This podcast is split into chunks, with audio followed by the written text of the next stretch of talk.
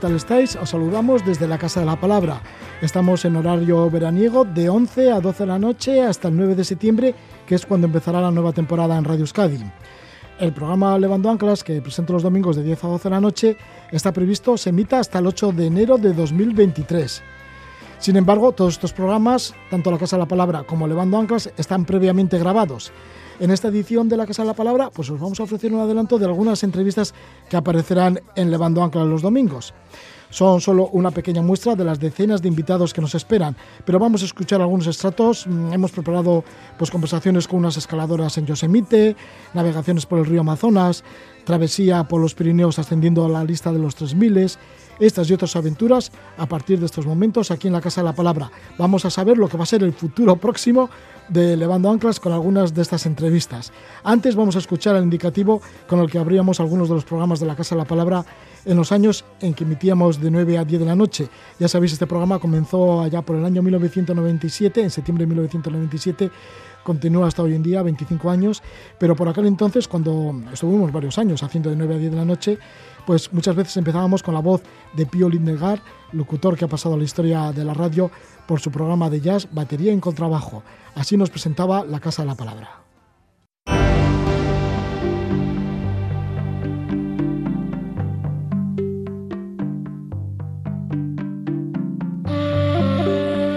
En este momento, cuando se hace de noche, en muchos lugares remotos del planeta sus pobladores se reúnen en la Casa de la Palabra. Comentan los aconteceres, escuchan los relatos de sus antepasados y de vez en cuando alguien llega con historias sorprendentes. La Casa de la Palabra, en Radio Euskadi.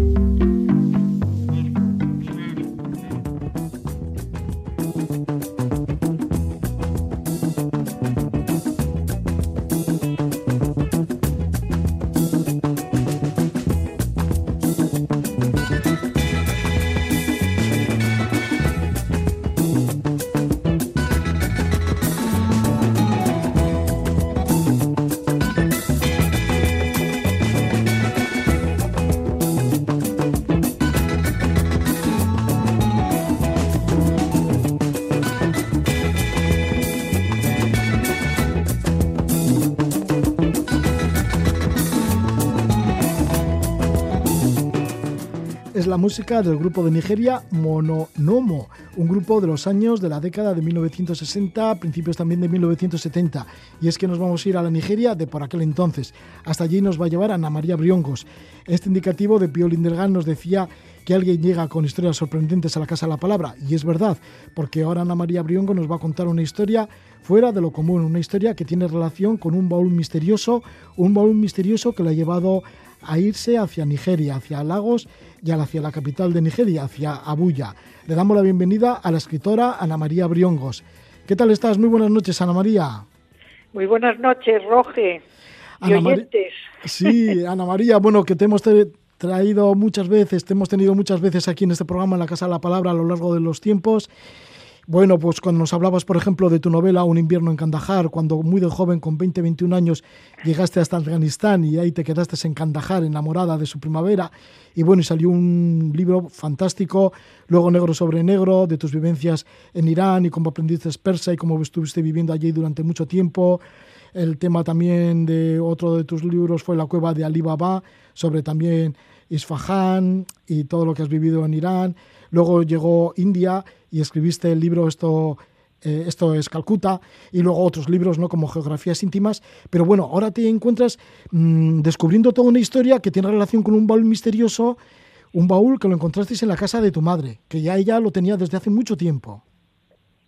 Sí, sí. Es, eh, es un baúl que dejaron unos nigerianos, una pareja de nigerianos que habían estado en Barcelona, mm, él, fotógrafo y artista, eh, estudiante de la, de la Escuela Masana, y ella mm, pues eh, trabajó de peluquera en Barcelona porque algo tenía que hacer eh, y em, dejaron a mi madre un baúl cuando se fueron a Londres un baúl con sus pertenencias, con la idea de que lo volverían a buscar. Pero nunca más se supo de esa familia. Ellos llamaron un par de veces o tres cuando se fueron, pero después nadie más supo nada. Y aquel baúl quedó olvidado en, un sótano. Y em, bueno, ahora lo hemos recuperado. Estamos hablando de hace más de 40 años, porque ese baúl lo dejaron en el año 72. Y habéis abierto el baúl y ¿qué habéis encontrado después de tantos años? Hemos abierto el baúl finalmente. Sí, porque os daba como un poco de apuro de abrir el baúl, ¿no? Sí, sí, este, este, esta persona que, que fue amigo nuestro él y su esposa, pues eh, eran gente mm, con, con, con esas ideas ancestrales de espíritus y de, y de y de fantasmas y de mm, el alma de las personas pues eh, permanecen en, en, en, sus pertenencias y dentro de ese baúl había eh, misterios y, espíritus que si se abría podían salir. Nosotros pensamos que serían espíritus buenos porque íbamos con buena fe, porque de lo que se trataba era que ya que no sabíamos nada de esta familia y nosotros ya teníamos que vaciar la habitación donde se había guardado esto durante tantos años, pues eh, íbamos a abrir la maleta para ver si encontrábamos alguna dirección o algo para, para poder restituir eso a, la familia. Y verdaderamente fue una sorpresa porque en, esa, en ese baúl encontramos una cantidad de fotografías, más de 500 fotografías de, de Nigeria en los años 60 o sea, una, una, un archivo fotográfico importantísimo, no solo De, fotografías familiares, sino también de fotografías de estudio, puesto que este, este personaje que se hacía llamar príncipe Adewale o Yenuga mm, de, de etnia yoruba, pues este personaje era fotógrafo y era artista.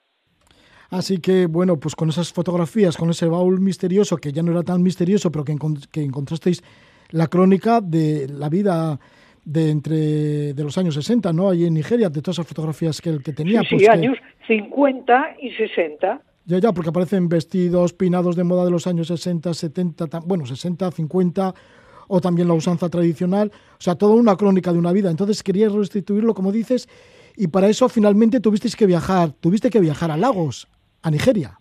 Sí, sí, sí. Me, viajé a Lagos porque me interesaba eh, encontrar a esta gente y habíamos escrito cartas. Bueno, en el baúl también había mm, cientos de cartas de la época de la guerra de Biafra, que son documentos históricos sobre aquella época, porque este personaje, eh, él guardaba todas las cartas que recibía, pero también guardaba todas las cartas que escribía, hacía copia y las iba guardando. O sea que él alguna idea tenía sobre la posteridad o la importancia que podía tener eso en el futuro. si no, no lo hubiera guardado. Claro. Ana María, pues no vamos a hablar si habéis encontrado a alguien o no, porque estuviste en Lagos buscando esas direcciones que aparecían en las cartas. No vamos a saber, vamos a dejar el misterio de momento, pero ¿qué te pareció Lagos? ¿Qué te pareció esta gran ciudad de Nigeria? Bueno, Lagos me pareció una ciudad interesantísima, mm, muy abigarrada, mm, con muchos colores, mm, con gente muy joven y estupenda, con unos cuerpos que dan gusto de ver, los artistas jóvenes, chicos y chicas muy modernos, y, y me pareció una ciudad activa con bueno, un futuro estupendo. Me pareció un sitio moderno, muy moderno, muy moderno, con un tráfico horroroso, caótico, pero, pero bueno, porque claro, es una ciudad mm, con, con agua, es una ciudad de mar, pero formada por islas y tienes que pasar de una isla a otra por, por unas carreteras pues que son puentes y allí se arman unos unos embotellamientos tremendos, o sea que para ir de un sitio a otro pues tienes que calcular que tienes tres horas de, de camino por descontado. Sí, Lagos que siempre ha sido de lo más moderno del continente africano, ¿no? Y casi del mundo, porque, por ejemplo, la música nigeriana con Fela Kuti, fíjate lo que fue, toda una revolución. Y hoy en día, pues las grabaciones que vienen de Nigeria son fantásticas, con un sonido espectacular. Y bueno, y luego no te digo nada del cine, que es, que es tremendo también, la producción tremendo, cinematográfica. Tremendo, bueno, y esa escritora que tienen, que es Chimananda, que es, es estupenda y es eh, vale la pena leer sus libros es una mujer joven pero muy moderna y cuenta pues su, su, sus aventuras como como mujer africana que, que, ha estudiado y que escribe y, y que viaja y eh, vale la pena leerla. Y bueno y sobre Fela Kuti Fela Kuti es el héroe nacional. Tiene en, en Lagos un una nave, una nave, un memorial donde están sus fotos, están las portadas de sus discos y hay un gran escenario y en él es, permanentemente hay eh, conciertos y, muchas veces actúan los propios hijos de, de Fela Kuti y claro junto a las fotos de a las fotos de Fela Kuti están pues las fotos de su mujer, las fotos de, de doctor Martin Luther King Jr., está Malcolm X, están, pues claro, todos los que lucharon por los derechos de los, de los negros, de la población negra, tanto en África como en Estados Unidos. Ana María, pero sin embargo Lagos también tiene la otra parte, ¿no? La parte oscura de que es una ciudad peligrosa. ¿Lo has sentido así? Eso dicen, eso dicen. A mí no me pareció una ciudad peligrosa porque iba acompañada por, por, por estos esta asociación que es la que me protegió, digamos, y me acompañó a buscar las direcciones de las que yo andaba buscando, pero y pero no me pareció que Lagos fuera especialmente peligroso. Quizá los barrios eh, marginales deben serlo, pero sí que me dijeron que Abuya es una ciudad peligrosa, porque cuanto más al, sur, al norte te diriges, más peligroso es el país. Sí, Abuya, que es la capital de Nigeria. La capital, es la capital de Nigeria, no es Lagos, es Abuya, y Abuya es una ciudad mmm, artificial, una ciudad nueva que, ha, que han creado hace 30 años para, para instalar allí para descongestionar lagos e instalar pues las embajadas y, y los lugares oficiales. Y, Eh, y ¿estuviste allí también? está la, la embajada de España. Ah, ¿estuviste allí en Abuya? Sí, y porque ellos organizaron una, una sesión de, para la prensa y la televisión para con la idea de que nos ayudaran a publicar la historia de este archivo fotográfico y buscar a esa familia. Bueno, pues sabremos sobre si finalmente encontraste la dirección de esa familia, de si viven, si no viven, de si les habéis devuelto las fotografías. Esto lo sabremos a partir de, de la escucha de Levando Anclas. En alguno de los programas de Levando Anclas que ya hemos grabado, pues eh, descubre también este misterio. Pues muchísimas gracias por estar con nosotros, Ana María Briongos. Una vez más, recordemos que eres la autora de libros de literatura de viajes tan fantásticos como Un invierno en Kandahar, Negro sobre Negro, Esto es Calcuta o La cueva de Ali Baba. Hasta siempre, Ana María Briongos. Hasta siempre, Roge. Buenas noches. Buenas noches. Y nosotros continuamos aquí en la Casa de la Palabra y ahora vamos a escuchar un extracto de una entrevista que también se emitirá en Levando Anclas dentro de unas semanas y esto es con Idoya Rubial y Maite Zumárraga, que han estado escalando en el Gran Capitán.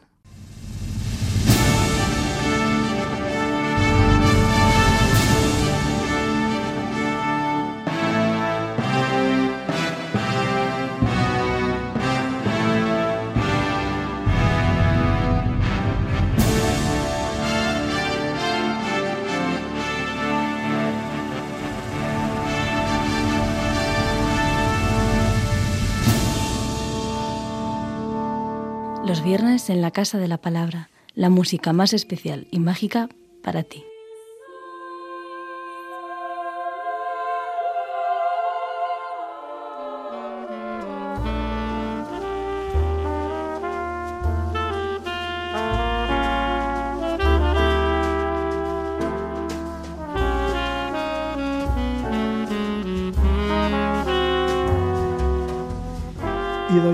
Y Maite Zumárraga forman parte del grupo de montaña Nescalacheileac. Han cumplido el sueño de todo escalador, ascender a la pared del Gran Capitán en el Parque Nacional de Yosemite, en la Sierra Nevada de California. Pasaron tres meses, de los cuales cuatro días estuvieron colgadas sin bajarse de la pared. Nos van a comentar ahora pues, cómo eran las noches ahí en la pared. Esta entrevista se emitirá íntegramente en el programa Levando Anclas el 31 de julio.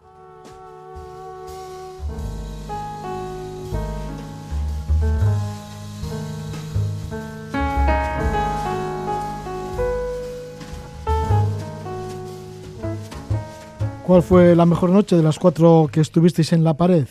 Digo, que más os descansasteis o que más belleza había entre la luna y supongo que habrá bastante silencio también a la noche. Sí, eh, bueno, eh, más que la, mejor, la mejor, yo recuerdo mucho la peor, que fue la primera que, llegamos allí al, al Vivac o, a la repisa y los bielorrusos estos tenían puesto la hamaca y ocupaban toda la repisa y era imposible eh, coger un sitio ni, ni, recostarse de ninguna manera.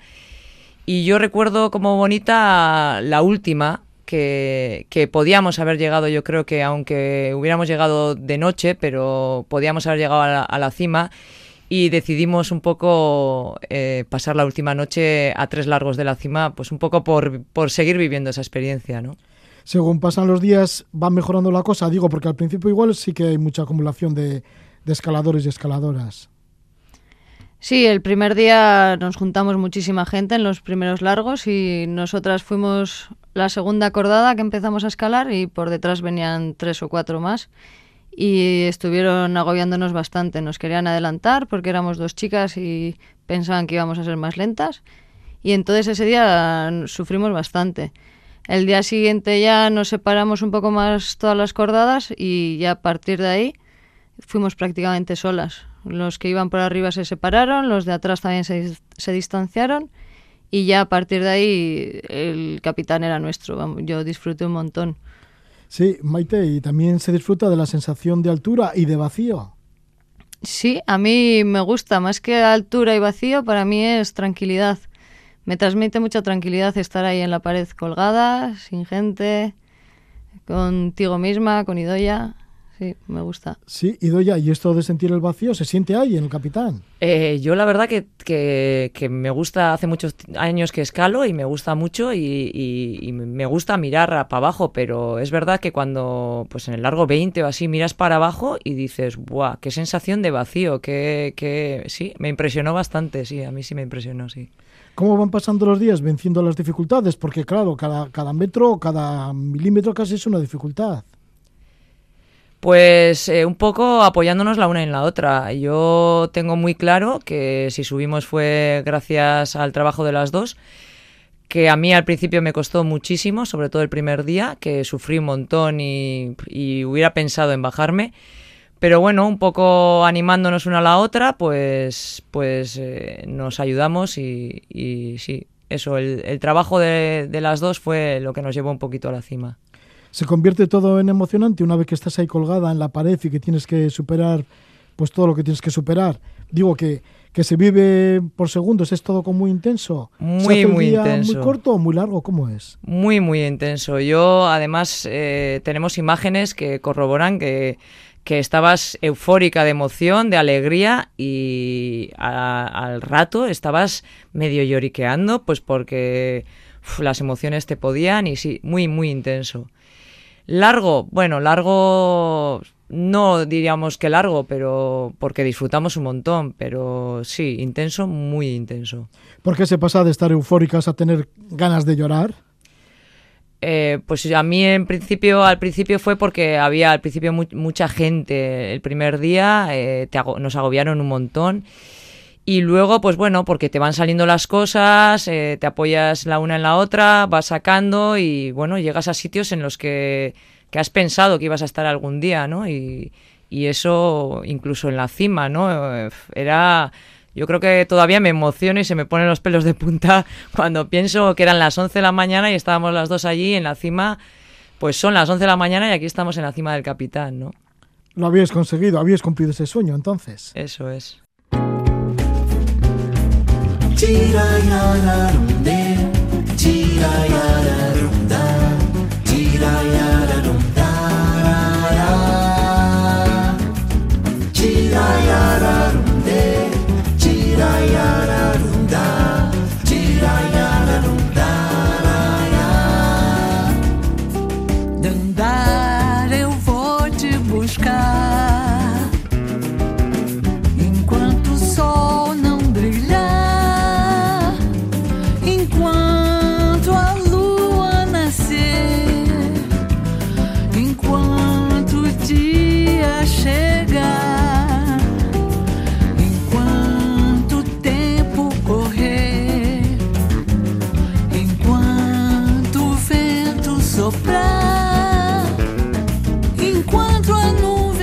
Es la música de Flora Purín con el tema Dándara.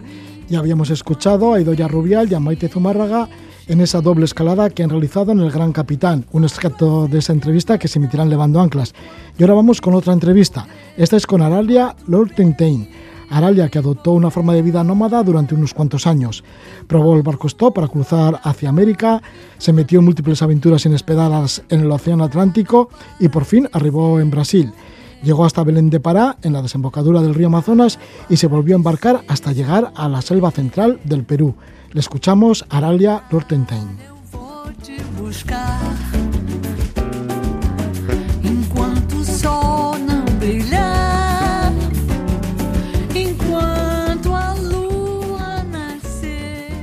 Bueno, el caso es que entonces estáis allí en, en la desembocadura del, del Amazonas, Belén do Pará, y entonces ¿cómo os animáis para coger diferentes barcos? Porque finalmente llegaste hasta Iquitos, hasta Perú, Sí, y, eh, y luego a Pucallpa, que está todavía más, más lejos.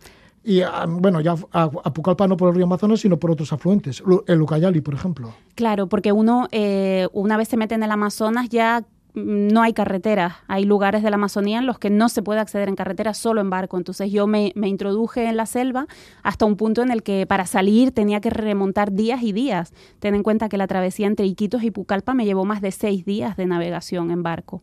¿Terminaste harta, digo, al cabo de los días y días Muy- de la selva? Muy cansada. Estuve más de un mes en la selva y acabé harta de que me picaran los mosquitos continuamente. Encima yo fui en temporada de crecida del río, es la peor época para ir a, a la Amazonía. Estaba harta de ver bichos, de, de que pudiera ver un animal en cualquier sitio. eh, cualquier araña era peligrosa, cualquier, te podías encontrar a, a caimanes, te podías encontrar a pumas. Entonces, eh, estaba un poco cansada de esa tensión y esa incomodidad de la selva. ¿Cómo es la vida en los barcos? ¿Cómo fue, por ejemplo, el, el trayecto que hiciste desde la desembocadura del Amazonas a Manaus? Manaus. Pues fue un trayecto de seis días, seis, siete días de navegación remontando el río a contracorriente. Fue la primera experiencia en estos barcos. Son unas barcazas grandísimas que tienen la cubierta eh, abierta al aire libre, con un techo que tiene una especie de tubos con ganchos donde la gente cuelga las hamacas. Las hamacas es el lugar donde duermes, donde comes y donde pasas el día, las 24 horas. Hay muy poquito espacio, hay simplemente unos aseos para, para hacer las necesidades, pero todo el resto de cosas se hacen en, en la propia hamaca, que compartes con tu propia mochila, además. Incluso hay gente que comparte la hamaca con sus hijos o con sus familiares. Eh, la experiencia muy bonita, incómoda también, pero a diferencia del barco con el que crucé el Atlántico, pues había más espacio, había gente porque había gente que subía, que bajaba, cambiaban los pasajeros, cambiaban los vecinos, así que aburrimiento muy poco y menos teniendo esa, esa guitarra que siempre atraía a cualquier músico que hubiera a, un, a, a 100 metros a la redonda y ese tablero de ajedrez con el que siempre hacíamos, eh, eh, éramos sociables, no estábamos abiertos.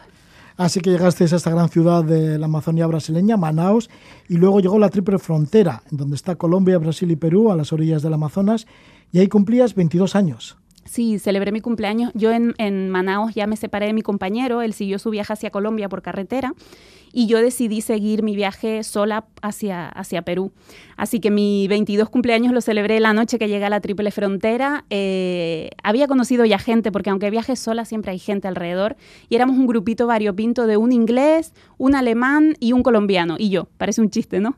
Y, y bueno, eh, juntos nos fuimos a, a celebrar y me invitaron a unas cervezas, a una arepa de queso y yo estaba contentísima de poder estar en ese rinconcito en el que hablaban español, después de tantos meses hablando idiomas que no eran el mío. Así que en Colombia estabas como en casa, como si estarías en Canarias. Totalmente, además las, las personas, la cultura es tan tan similar que yo me sentía en, en Leticia, se llama ese lugarcito, me sentí muy muy cómoda. Sí, Leticia allá en la Triple Frontera, que pertenece a Colombia en este caso.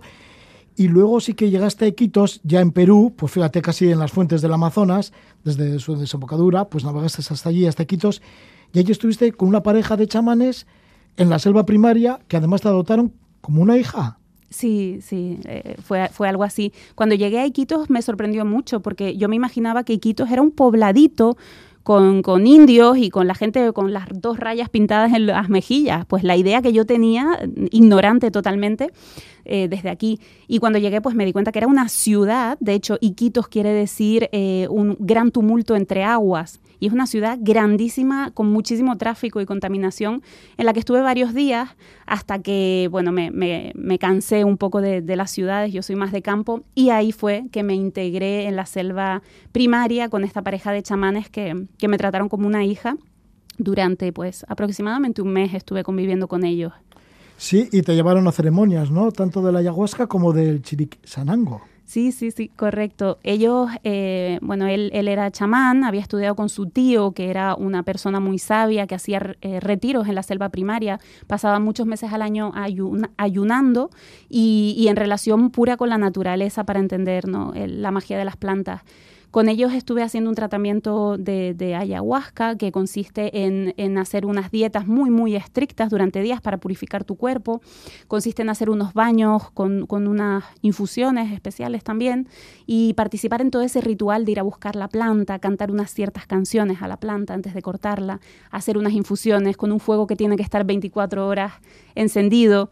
Y, y eso es eh, eh, todo el ritual de la ayahuasca, no es solamente como hacen aquí, veo a veces anunciado, ritual de ayahuasca. Creo que es una planta muy poderosa y peligrosa también, que hay que, que tomar con mucho, mucho respeto y siguiendo todo ese procedimiento ancestral.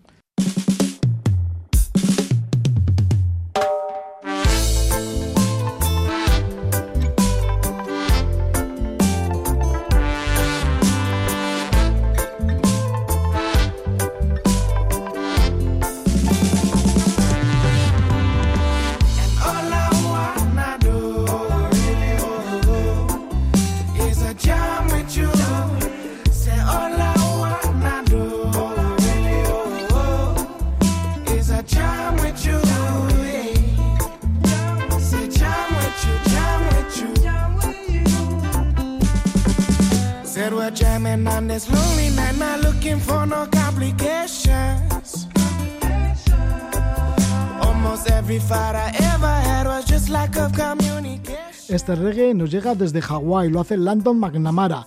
Hemos escuchado a Aralia Lustestein, que llegó desde Canarias a Levando Anclas para presentar su libro Agua Dulce, Agua Salada, donde se relatan sus aventuras a vela por el Océano Atlántico y también la navegación por el río Amazonas.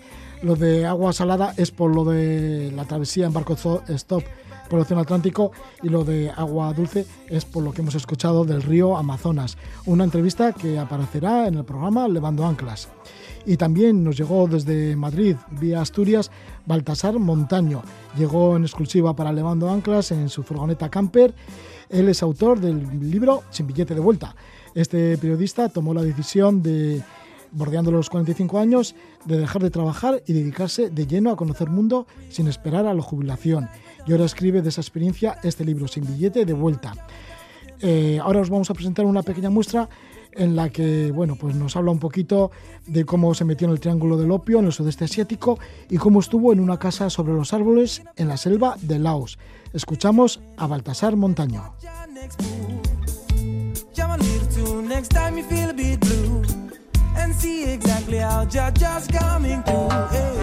Baltasar, bueno, ese espíritu de periodista, que eres periodista, aunque has abandonado de momento la profesión, aunque has escrito este libro sin billete de vuelta, pero bueno, siempre tienes esa, esa vocación periodística, te metes en muchos sitios que cualquier viajero no se, no, no se metería. Por ejemplo, cuando seguiste la pista del opio. Claro, ahí... Esto ya nos vamos al sudeste asiático nuevamente, al Triángulo del Oro, o también antes se llamaba Triángulo del Opio.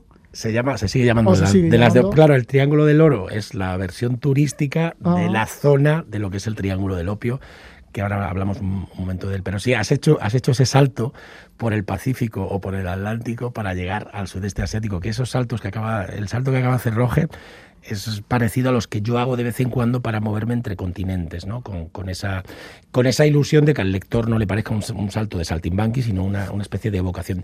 Y efectivamente, em, eh, yo cuando, cuando llegué a Myanmar, que ahora sabéis que está sometido a la desgraciada dictadura después del golpe militar, pues yo me fui al norte y yo quería ir a los estados independentistas donde, donde estaban en guerra soterrada o, o más explícita con, con el ejército. Y claro, allí me encontré que había, que había que habían plantaciones de opio y me decían que eran, claro, eran legales porque estaban con los acuerdos de las farmacéuticas para producir los opiáceos, para la morfina y todos los medicamentos legales. Pero claro, yo me fui con mi cámara, me metí allí y el ejército pues me pilló. Iba con una señora, la pobre señora que me llevó allí, no sé qué pasó con ella, me tuve no me pude ni despedir de ella y los, y los militares que vinieron en una patrulla, pues me, me- no, me, no me quitaron la cámara, menos mal, pero me llevaron al hotel y me dijeron mañana abandonas esta zona y me tuve que al, al día siguiente salí con- muerto de miedo, pero no pasó nada, porque yo pensaba que por la noche a lo mejor podrían venir a detenerme o algo, no pasó nada. Y me marché como me indicaron ellos, me lo explicó en inglés el, el del hotel y tuve que salir. Si esta señora le llamas en el libro la abuela Cella, Sí, era la que abuela. tenía una pipa de opio. Claro, porque el opio está tolerado, como la marihuana está tolerada en algunos países, más o menos tolerada en algunos países eh, de América Latina, y en el caso de Uruguay, como sabéis, es legal, ¿no? Entonces, eh, ella estaba fumando su, su pipa de metal con el opio, la- lo que es la hierba, lo fumaba como si fuera pues, una pipa de, de hierba. Y hablando con ella a través de un niño que tenía 16 años, por lo que me enteré y que hablaba un poquito de inglés, pues fue la que, la que me llevó a la plantación, porque para ella no era malo llevarme a mí a la plantación.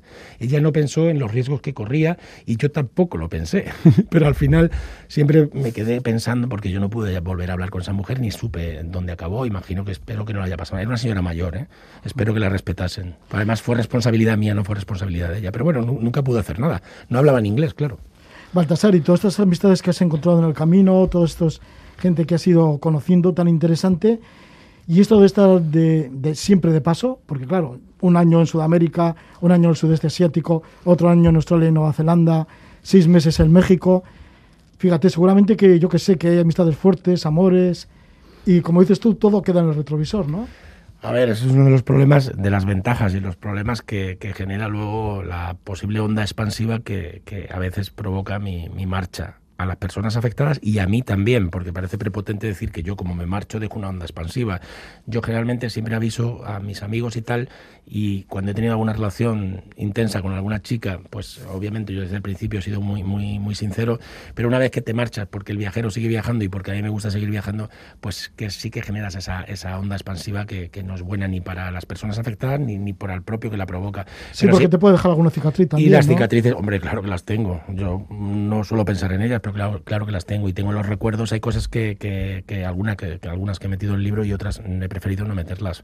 Eh, porque han- me han hecho daño a mí y han hecho daño a, la- a, a lo mejor a un par de personas. ¿no? Pero bueno, es lo que luego yo he reflexionado sobre el tema de las despedidas, de cómo se despide un viajero. ¿no? Y, yo, después de todos estos años, pues me doy dando cuenta que voy aprendiendo un poquito. No creo que lo haga nunca bien del todo, pero intento cada vez hacerlo un poquito mejor. Y son cosas fortuitas, además, que van pasando. Muchas veces no sabes gestionarlas. ¿eh?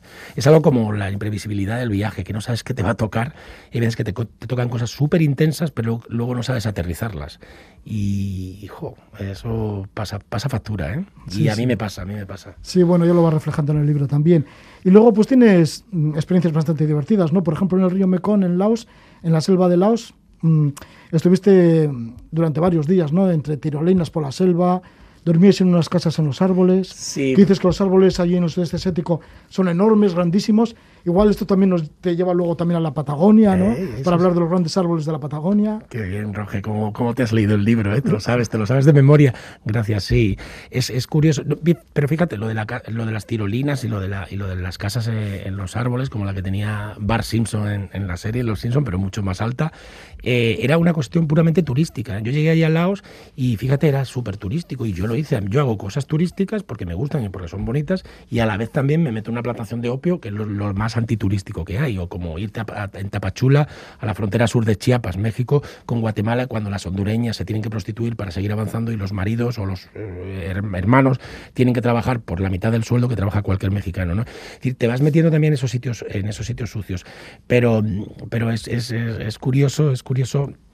eh, se, me ha ido, se me ha ido un poquito la- Sí, que es línea. curioso que algunas veces igual te metes en las cosas como más organizadas. Más así, ¿no? Ah, y estábamos hablando de los árboles. Sí, de Disculpa, las Se me ha ido, tirolinas, se me ha ido un poquito, claro. Y, las Y la casa tirolinas, de los árboles. Y la casa, y claro. Y entonces eh, est- estás allí en, en- en plena selva de Laos y yo me acordaba de las ara- araucanías de, de Chile, ¿no? Y uno de los saltos a los que, has mencio- los que has mencionado tú, Roge, es ese, ¿no? Es decir, yo estoy disfrutando de unas cosas súper intensas con las tirolinas y me acuerdo de los árboles de la Araucanía, que es una de las, de las regiones más importantes de- de- del centro de Chile, ¿no? Sí, un Y árbol es- sagrado para los mapuches. y es pues, un árbol sagrado para los mapuches y entonces eso me sirve a mí también en el libro como de hilo conductor para pegar ese otro salto de ida y vuelta entre a través del Pacífico, a través del Atlántico en función de- de- del destino, ¿no? ¿Y cómo son esas casas en los árboles, allí en la selva de Laos? Eh, hechas con madera y tienen placas solares. Sí, sí, sí. El Laos es un país, como sabéis, bastante pobre. Es el país más pobre del sudeste. Pero sí que es verdad que como eso está bastante preparado para el turismo, tienen unas casas súper bien montadas. De hecho, a las casas llegas y sales de ellas por las, con las tirolinas. No tienen otra, no tienes, no hay otra forma de acceder a las casas. Tienen placas solares y ahí te dan, te dan de dormir en hamacas y, y te dan, pues eso, la cena y todo. Y luego al día siguiente sales de la casa, la dejas y sigues avanzando por, por, por la, por, la, por la selva. Muy interesante, la verdad, muy recomendable.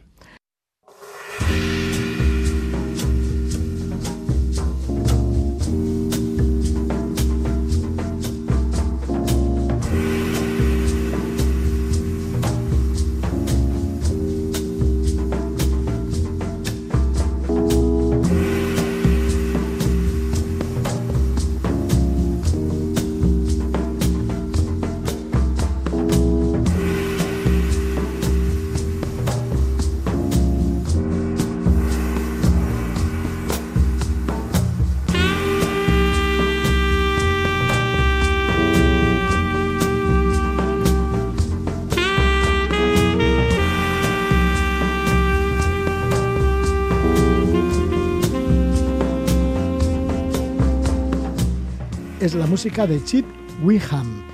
Y ahora vamos a escuchar a Íñigo Iruritagoyena, Iru, que caminó 2.000 kilómetros por el Himalaya de Nepal sin guías ni porteadores. Más recientemente ascendió a los 214 3000 del Pirineo de manera continua en 44 días. Una gran parte del Pirineo lo hizo en compañía de Iván Rouco.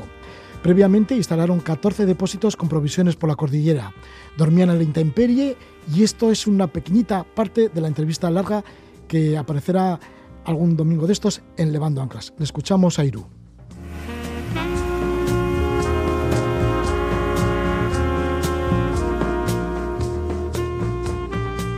Eh, quisimos eh, hacerlo de una manera especial, es decir, no íbamos a hacer nada nuevo, eso ya estaba hecho, por supuesto. Hay gente que lo ha hecho, pero se puede hacer de muchas maneras. Lo normal, por decirlo de alguna manera, es pues hacerlo a lo largo de los años. Hay gente que se propone hacer pues todos los 3.000 del Pirineo, pero pues en su tiempo libre, en, ah, vacaciones, fines de semana, etc., en, en verano y así. Eh, hay gente que lo ha hecho del tirón. eh, para hacerlos del tirón también hay varios estilos o varias maneras de hacerlo. Pues usando, ref- o sea, perdón, usando vehículos sin usarlos, haciendo uso de refugios sin ello. Entonces, fuimos viendo un poquito a ver qué es lo que había hecho la gente por ahí y dijimos, bueno, pues vamos a intentar darle intentar darle ese toque nuestro de hacerlo con una instalación previa de depósitos en la montaña para así eh, intentar mm, bajar lo menos posible a- abajo, eh, a, cotas más bajas y hacer el mínimo uso de, de refugios, ¿no? Así que de manera, pues instalasteis 14 depósitos. ¿Qué se guardaban estos depósitos? ¿Qué es lo que tenían? previamente al comienzo de la actividad. Eh, durante tres, cuatro meses en casa fuimos poquito a poco diseñando todo, todos esos depósitos, principalmente alimento, hornillos o alguna otra manera de cómo calentar esa comida. No en todos los depósitos había hornillo. Eh, aparte de ese alimento, como he dicho, pues luego, eh, pues bueno, algo de electrónica, me refiero a baterías, tarjetas y así, para luego poder grabar todo durante ese mes y medio y algo de textil. Eso es lo que había en esos 14 depósitos y líquido, perdón, y agua, garrafas de agua, porque esos 14 depósitos estaban instalados en sitios estratégicos. Estaban donde tenían que estar. En lugares estratégicos, Eh, pero estaban escondidos. Eh, sí, claro. Ocultos, ¿no? Para que nadie apareciera sí, por allí. Sí, sí, estaban escondidos por nosotros. Bueno, por mí, claro. Yo- Fui yo el que se encargó de, de ir 10 días antes a, a subir y bajar a cada uno de esos 14 sitios a dejar aquello. ¿Y alguna vez os pasó de que como están tan escondidos que no los encontrabais? Mira, esa es una pregunta que, que la hace todo el mundo cuando ve el documental, porque, pero no, curiosamente, uno creo recordar que sí dio un poco la lata, el, el dar con él, porque era una zona de, bueno, un caos de piedras, de bloques de roca, que, pues bueno, me costó un poco dar con él. El resto no, se, se encontraron fácil, sí. ¿Por qué no queríais dormir en refugios? ¿No utilizabais para nada los refugios? Yo personalmente, eh, yo personalmente no hice uso de ningún refugio. Yo no dormí en ninguno de los refugios. Sí pasamos por algunos de ellos y sí hicimos uso eh, en alguno de ellos de pues, eh, algo de, comida y así. eh. ¿Y cómo es dormir en la intemperie? Pero dormir 214 días, uy, 214, 44 días seguidos. Fueron 214 cumbres, Sí. pero 44 días empleasteis para ello. Correcto. El total de la actividad, eh, yo siempre he dicho que han sido 14 jornadas. Uy, perdón, ahora me has liado a mí. Sí, 44. el, total de la actividad, yo siempre he dicho que son 44, que fueron 44 jornadas. De actividad fueron 36. Lo que pasa que hubo 8 días pues, en los que no hubo progreso, pero estuvimos en la montaña. Por eso el, el total fueron 44 días y efectivamente fueron 44 días de estería y saco en el, en el suelo, sí. Nos cubrí, eh, llevábamos en todo momento con nosotros en la mochila, porteábamos una, un toldo, un tarp, que se llama, un pequeño toldito, para cubrirnos con él en caso de pues, lluvias, tormentas, frío. Pero eso se tiene que hacer pesado, ¿no? Al final teníais sueño, al final de, Bueno. de todo el recorrido. Pesado, pesado, el toldo eran 350 gramos. Sí, pero eso de dormir con la esterilla allí, ¿no? Eh, estamos... a la intemperie.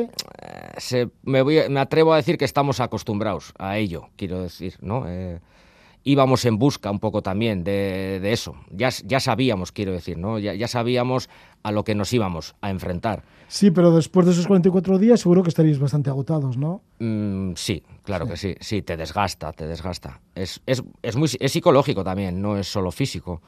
El Ya. estar, pues bueno, eh, 44 jornadas consecutivas, eh, pues eh, trepando, escalando, caminando, descifrando el camino, eso también desgasta porque no es una ruta. Daros cuenta de que no es un GR, no es cruzar el Pirineo, es ir en busca de los 214 3000 que están repartidos en 11 sectores, 11 macizos diferentes, tanto en la zona española como la francesa.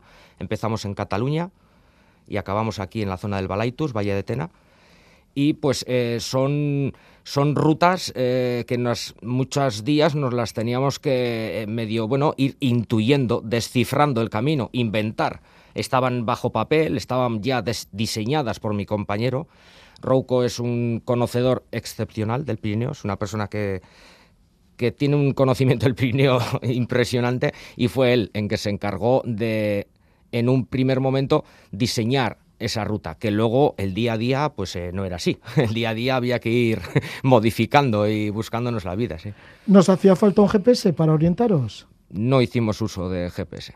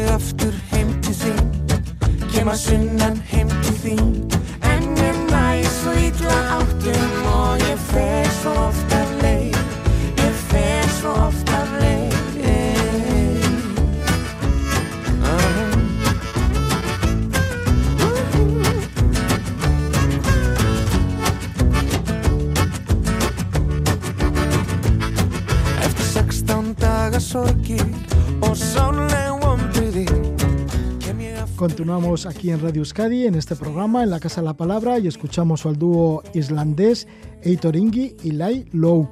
Y es que Igone Mariaz Correna nos lleva hacia allí.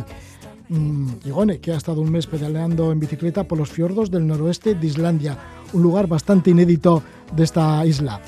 La mayoría de las carreteras están sin asfaltar, apenas hay habitantes. Esto nos cuenta Igone Mariaz Correna.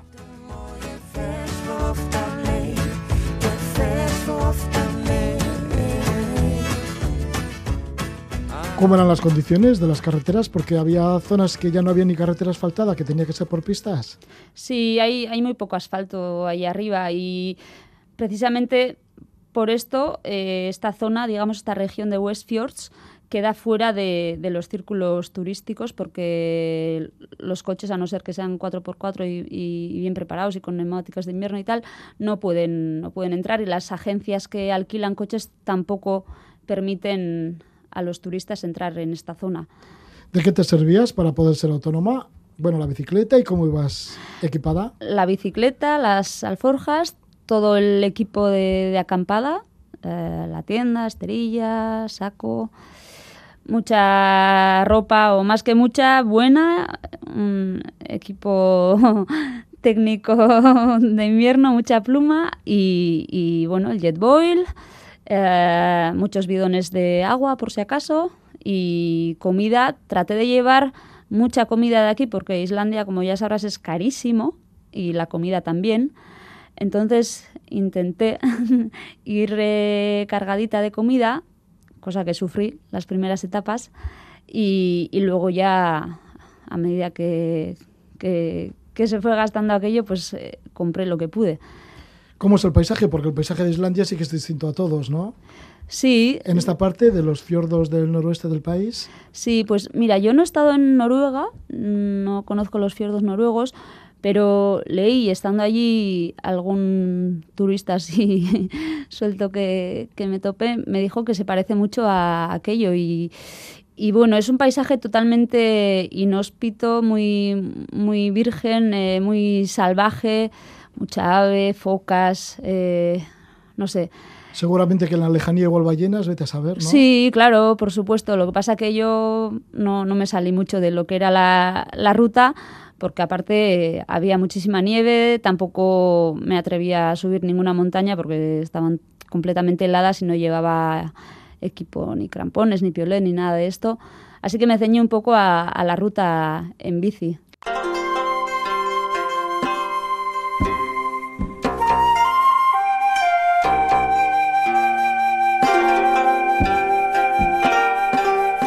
Igone Mariz Correna en solitario con su bicicleta por lugares insólitos de Islandia. Y ahora esta música japonesa nos va a llevar, pues sí, a Japón. Y estamos con Xavier Peñalver y Ribarren. Ha ido al encuentro de escenarios donde se conmemoran hechos revolucionarios. Después de múltiples visitas y documentación, publica el libro Revolución, Resistencia y Memoria, Patrimonio de la Humanidad. Son lugares donde se han producido hechos sociales y políticos relevantes que podían considerarse patrimonios de la humanidad. Xavier nos describe algunos de estos lugares revolucionarios o que han tenido esos momentos mm, impactantes y aquí nos lleva a Hiroshima y Nagasaki. Escuchamos a Xavier Peñalver.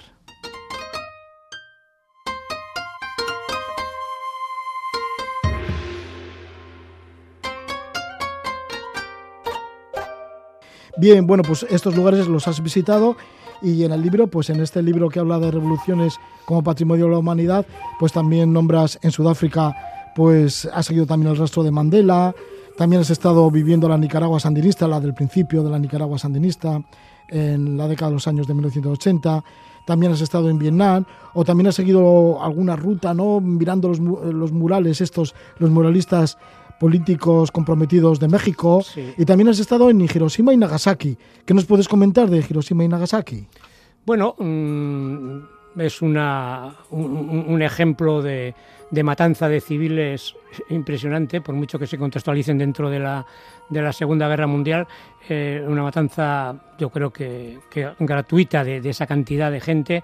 Eh, lo que es impresionante allí es la, la memoria y la, mm, la reverencia con que se tienen los lugares que existen todavía, que se mantienen, también edificios en ruinas emblemáticos, grandes centros, museos, etcétera, con relación a, esa, a esas dos masacres de, de Hiroshima y Nagasaki. Es mm, increíble ver a los, a los niños cómo van con sus pañuelitos y con, y con sus ofrendas a esos lugares y con cómo sueltan, eh, digamos, mítines y, y poesías, y, pero con una reverencia, con, un, con una cosa que, que contrasta con lo que estamos acostumbrados a ver en otros lugares, ¿no? O sea que es, es una, no sé si es una disciplina o es una casi religiosidad con relación a la memoria de lo que ahí sucedió.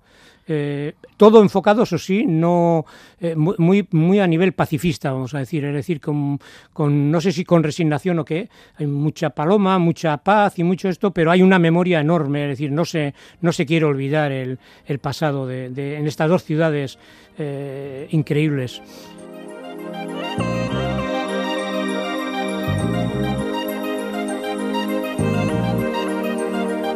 Xavier Peñalver y su libro Revolución, Resistencia y Memoria, Patrimonio de la Humanidad. Está editado por Chalaparta. Esta es una muestra más de lo que nos esperan los próximos programas de Levando Anclas, programa que emitimos los domingos de 10 a 12 de la noche. Y aquí en la Casa de la Palabra continuaremos hasta que finalice la programación veraniega. Los encontráis de lunes a viernes de 11 a 12 de la noche. Vamos a recordar al grupo Donostierra 21 japonesas con el tema En sus sueños, una canción de 1997, el mismo año que nació la Casa de la Palabra.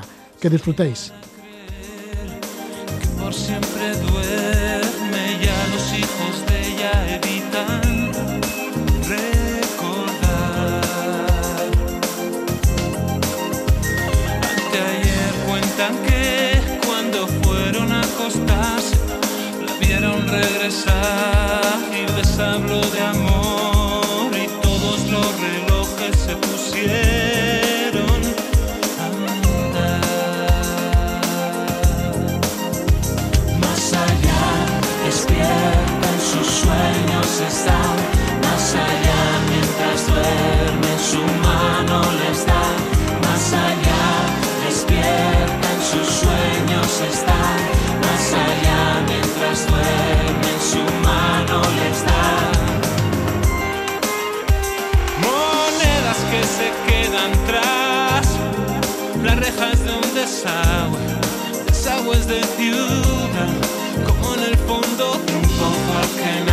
nadie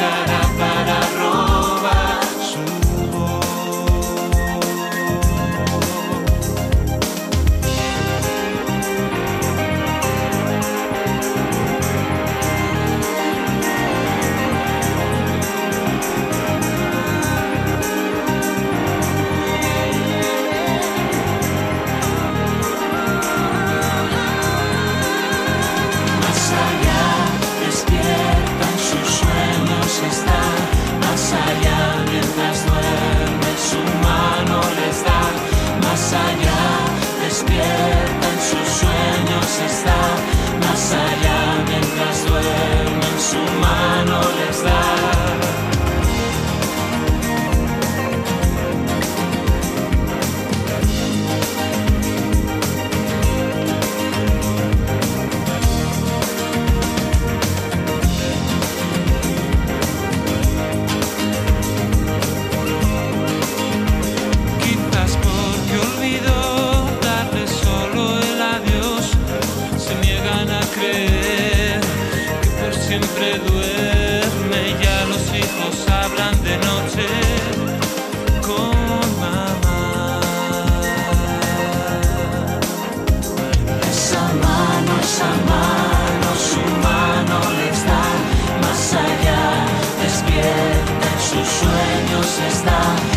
allá,